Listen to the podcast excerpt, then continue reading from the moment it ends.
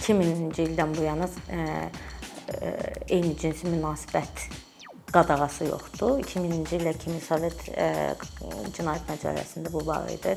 Sırf özdeməz kişilərin arasında sırf eyni cinsli kişilərin münasibəti qadağan idi, kriminallaşmışdı.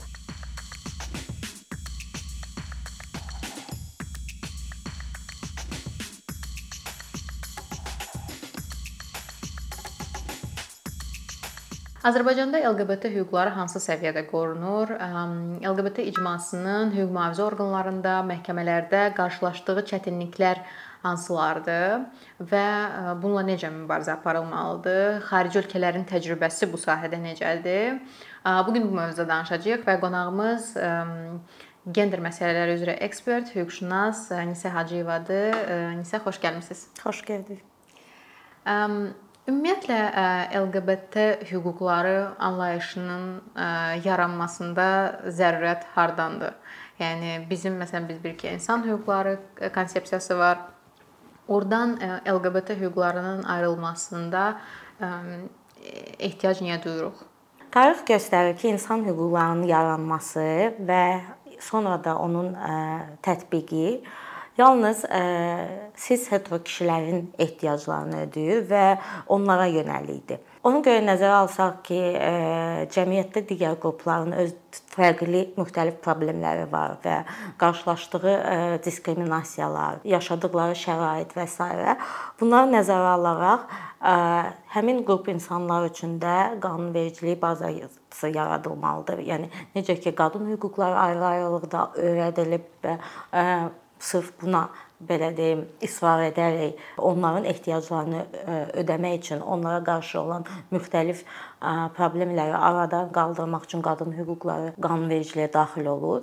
Eləcə də LGBTQI+ insanlarının problemlərini öyrənib, onların onların yaşadığı problemləri nəzərə alaraq onların da hüquqları ayrı-ayrılıqda qanunvericiliyə daxil olmalıdır. Azərbaycanda ümumiyyətlə LGBT hüquqları tənzimlənirmi qanunvericiliklə? Azərbaycanda qan qanunvericilikdə ümumiyyətlə LGBTQI+ abreviaturası heç bir qanun qanunda keçmir, heç bir qərarda, ümumiyyətlə heç bir normativ aktda belə bir termin işlədilmir. Konstitusiyanın 25-ci maddəsində bərabərlik haqqında maddəsində bütün insanların dinindən, irqindən, etnik mənsubiyyətindən, siyasi partiyalara, nə bilim, üzvlüyündən və s. və ilaxır sadalaya-sadalaya gəlib və eyni zamanda fərqli müxtəlif sosial qruplar da daxil olmaqla hər kəsin bərabər olduğunu iddia edən maddə var. Digər məsələn Cinayət Məcəlləsində təqib təqibi qadağa eləyən maddə, kriminallaşdıran maddədə də eynən belə müxtəlif qruplara qarşı düşmənçiliyin yayılması, ədalətin yayılmasını qadağan edən maddə var. Orada da LGBTQI+ kimi bir qrup bunun adı çəkilmir, amma yenə də orada da müxtəlif sosial qruplara qarşı düşmənçiliyin və ədalətin yayılması qadağan edilir. Bu da əslində müxtəlif sosial qruplara LGBTQI+ icmasında daxil eləmək olar. Amma təəssüf ki, praktikada heç bir qanunverici orqan bunu belə şərh eləmir. Əslində yəni bu buna dair bəlkə də Konstitusiya Məhkəməsinin ayrıca qərarı olmalıdır ki, bu sosial qruplar necə şərh olunsun. O da olmadığı üçün təbii ki, bu olmadan da bunu şərh edə bilər qanunverici hüquq mühafizə orqanları, amma bunu etmədikləri üçün ümumiyyətlə LGBTQI praktikada da LGBTQI+ icması müxtəlif növ problemlərlə və hüquq pozuntuları ilə qarşılaşır. Mən bir dənə qanunvericilik haqqında cinsi orientasiya sözünü görmüşəm. O da yəni LGBT sözü təbii ki, yoxdur, amma o da gender bərabərliyi haqqında qanunda, düzdür, gender bərabərliyi haqqında qanunun adında da yazılır ki, qadın kişi və kişi. Qadın. Yəni biz deyəndə gender qadın və kişidir. Seksual qısnamanın anlayışında deyilir ki, şəxsin cinsinə vergül cinsi Cinsel ərə- orientasiya ərə- bir dənə orada keçir. Halbuki gender bərabərliyi haqqında qanun yəni çox şey şərh eləyir də. Yəni tək orada qısnama məsələsi deyil. Orada müxtəlif sosial benefitlərdən söhbət gedir. Ümumiyyətlə, yəni həyatın hər bir anında yaşa- yaşanılan diskriminasiyaya qarşı olan bir qanundur ki, orada bərabərlik təmin olmalıdır. Orada da yalnız qısnamaq anlayışında. hissində, anlayış hissəsində, yəni qısnamanı fərdin cinsi orientasiyasından asılı olmayaraq belə bir ifadə işlədilir. Yəni qısnamanı Sözün e, açığı istəyir. mənə elə gəlir ki, o ora sadəcə təsadüfən, Təsadüfən mənə, tərcümədən mənə də elə gəlir ki, o da təsadüfən tərcümədən düşür, çünki əks halda o bütün hər yerdə ə, nəzərdə olmalıdır və burada tək, yəni biz LGBTQI icması deyəndə yalnız orientasiyanı da nəzərdə tutmuruq. Orada müxtəlif ə, ə, yəni gender mənsubiyyəti və kimliklər var. Bəs praktikada, yəni qanunvericilikdən danışdıq, belə bir xüsusi bir baza, e, qanunvericilik bazası yoxdur onları qoruyan. Praktikada necə? Yəni onların üzləşdiyi çətinliklər məhkəmədə olsun ya hüquq mühafizə orqanlarında olsun, onlara qarşı e, indi sosial şəbəkələrdən gördüyümüz qədər və ya tanışlarımızdan eşitdiyimiz qədər də sırf gender kimliklərinə görə ayrı seçkiliyə məruz qalma halları olurmu?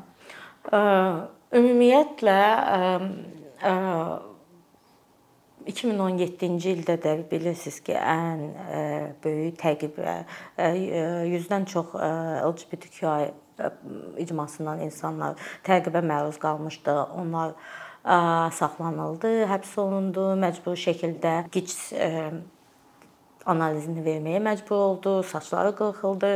Yəni başqa bir icmaya qarşı bəlkə bir də Nardaran кейsini, yəni müqayisə eləmək olar. Amma başqa ə, Azərbaycanda ə, son illərdə mü- sırf hansısa bir icmaya qarşı belə, belə bir kütləvi təqib, zorakılıq, şiddət sırf dövlət tərəfindən ə, olmayıb. Ə, və ümumilikdə də tək o hadisəni çıxsaq, ə, mən deyərdim ki, ə, LGBTQI+ icması ən çox zorakılığa məruz qalan qrupdur. Çünki sırf ə, onlar zor- bir həm onlar özləri zorakılığa məruz qalanda digər fərdlər tərəfindən ə, bu işlər ə, hüquq mühafizə orqanları tərəfindən iqnor olunur. Həmin işlərə baxılmaq istəmir. Yəni onlar prioritetdə heç vaxt olmur. E, İkinci, onlar özləri hüquq mühafizə orqanlarında zorakılığa məruz qalırlar. E, Ən çox təhdidlər, e, aşağılanmalar və s. yəni hər dəfə e, hər hansısa müxtəliflərdən aksiyalardan sonra, nə bilim, e, müxtəlif e, təqiblərdən sonra ən çox zorakılıq, polisdə zorakılıqda və aşağılanmada, təhdidlərdə onlar görür. Bu gicslə bağlı dediniz, mənim də yadıma düşdü. Elə öz təcrübəmdə olan işdən deyirəm. Onlar yəni hüquq mühafizə orqanları əgər sırf LG- LGBT icmasından kimsə olduğunu görürlərsə, onları hansısa testlərə, bu narkotik testi ola bilər, gic testi ola bilər. Yəni tutduqları onları ə, iş tamamilə fərqli bir bəhanə ola bilər, tamamilə fərqli bir inzibati xəta və s. Amma bu testləri onları salırlar və sonunda da yekunda hakimin qarşısına çıxmışdıq. Hakim bizə deyir ki, bunlar hamısı qərarla olmalıdır. Yəni məhkəmə qərarına ya istintaq Və, orqanının və qərarına. əsas da fərdin özünün yəni buna razılığı olmalıdır. Heç kəsə razılıq olmadan gic ə, analizinə də yəni salmaq mümkün. ora- ora yəni olmamalıdır, mümkün deyil. Hüquq mühafizə orqanları ora gəlib prosesdə deyirdilər ki, ə, könüllü gediblər. və təbii ki, biz də orada soruşuruq ki, könüllü getmisiniz yoxsa yox? Bu hakim sualına cavab verəndə onlar dedilər ki, yəni orada bizim başqa bir variantımız yox idi, yəni ki, ə, bu onlar üçün könüllü idi. Çünki heç bir zorakılıq tətbiq eləmədilər, amma biz narahat idik ki, yəni bu könüllü olmasa başqa bir forma məcburi olacaq. Məcburi olacaq əlbəttə. 2017-də də bu məcburi idi. Yəni onlar sırf kütləvi şəkildə məcburi idi. Yəni də fərdi də şəkildə deyil. İndi hal-hazırda həmin iş ə, Avropa məhkəməsi. Hı. və Avropa məhkəməsi biz də bunu bu gün müzakirə etdik. Avropa məhkəməsi hal-hazırda onu kommunikasiya eləyir. Yəni yekun qərar o mövzu ilə bağlı çıxarılmayıb. Avropa məhkəməsinin ümumiyyətlə bu mövzuda yanaşması biraz elə bil dövlətlərə daha a- a- azadlıqmı verir desəm, yəni ki, elə bil o ə, yekun qərarda düzdür daha çox bu nikahla bağlı və sair məsələlərdədir. Yəni dövlət, dövlətin özünün mülahizəsinə qoyur da o məsələlər. Yəni deyir ki, mən ə, o qərarı vermirəm çünki bu ölkənin sosial, tarixi, iqtisadi və sair keçmişi ilə əlaqəlidir. Burada biraz fərqlidir, düzdür? Mənə gəlir nikahla bağlı deyil də. Yəni onlar nikahla bağlı müraciət, onlar birbaşa öz orientasiyalarına görə qaldıqları məcbur, yəni zorakılıqdır, təqibdir və s. Görə indi yekun nəticə Avropa məhkəməsinin qərarı nə olacaq? Um, ümumiyyətlə xarici təcrübə bu sahədə necədir? Ə, yəni başqa ölkələrdə də eyni tendensiya varmı? Ümumiyyətlə bəlkə statistikalar var ki, Azərbaycan neçənci yerdədir? Yəni belə olur deyirlər, Qadınlar üçün ən yaxşı yaşanması ölkə birinci yer İslandiya məsələn deyirəm də. Görən Azərbaycan həmin siyahılardan içəridir. İLQA İLQA-nın statistik siyahısı var, hər il çıxır və biz illərdir ki 49 ölkədən 49-cu yerdəyik. Yəni, yəni ən son yerdəyik. Çünki yəni bizdə qanunvericilikdə dediyim kimi bu həm qanunvericiliyi götürür, həm də praktikanı götürür. İLQA öz hesabatlarında Yəni praktikada onsuz da hər şey bəllidir. Qanunvericilikdə də sadəcə 2000-ci ildən bu yana eyni cinsi münasibət qadağası yoxdur. 2000-ci illə kimi Sovet Cinayət Məcəlləsində bu var idi. Sırf özdeməz kişilərin arasında sırf eyni cinsli kişilərin münasibəti qadağan idi, kriminallaşmışdı. 2000-ci ilin Cinayət Məcəlləsində artıq bunu Avropa Şurasının tövsiyəsi ilə çıxarıldı, amma e, bircə yəni bu yoxdur. Bir də Azərbaycanda qanunvericilikdə, Azərbaycan qanunvericiliyində cinsi dəyişmə azadlığı var. Yəni e, cinsini qanunla e, dəyişmə dəyişə bilərsən və sənədlərini də buna uyğun dəyişə bilərsən. Təbii ki, yalnız tibbi müdaxilələrdən sonra başqa heç bir halda, yəni və gender bayaq özünüz dediyiniz kimi gender bərabərliyi haqqında qanunda o da cinsi orientasiya təsadüfən düşən cinsi orientasiya sözü. Başqa heç bir qanun verici. Əslində o dedikləriniz də təşəbbüs deyil. Məsələn, Avropa Şurasına qəbul olmaq üçün bir tələb idi qarşımızda hə, ki, biz onu çıxartdıq. Hə, təşəbbüs deyil. Amma cinsi cinsi dəyişmə mövzusuna gələndə o cins dəyişmə ona görədir ki, çünki e, və, və şəxsi vəsiqəsi haqqında qanun deyir ki, məlumat səhvdirsə o dəyişməlidir. Hı -hı. Bu da sənəd gətirir ki, məlumat, məlumat səhvdir, mən artıq qadın deyiləm ya da kişi deyiləm.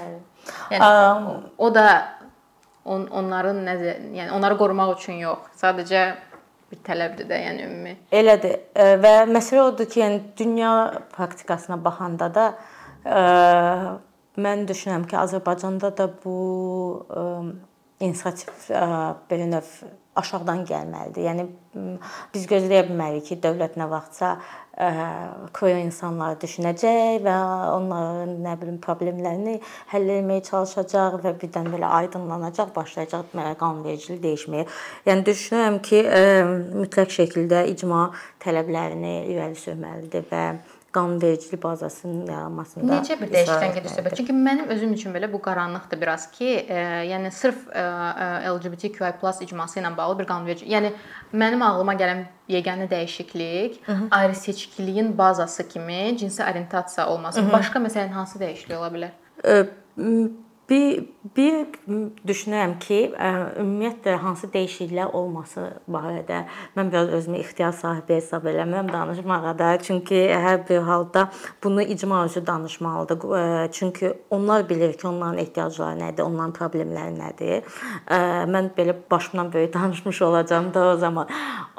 Amma ümumi ümumi götürəndə, yəni bu tək diskriminasiya, yəni konstitusiyadan başlayaraq Cinayət Məcəlləsində təqib, nifrət cinayəti, nifrət nitqi və s.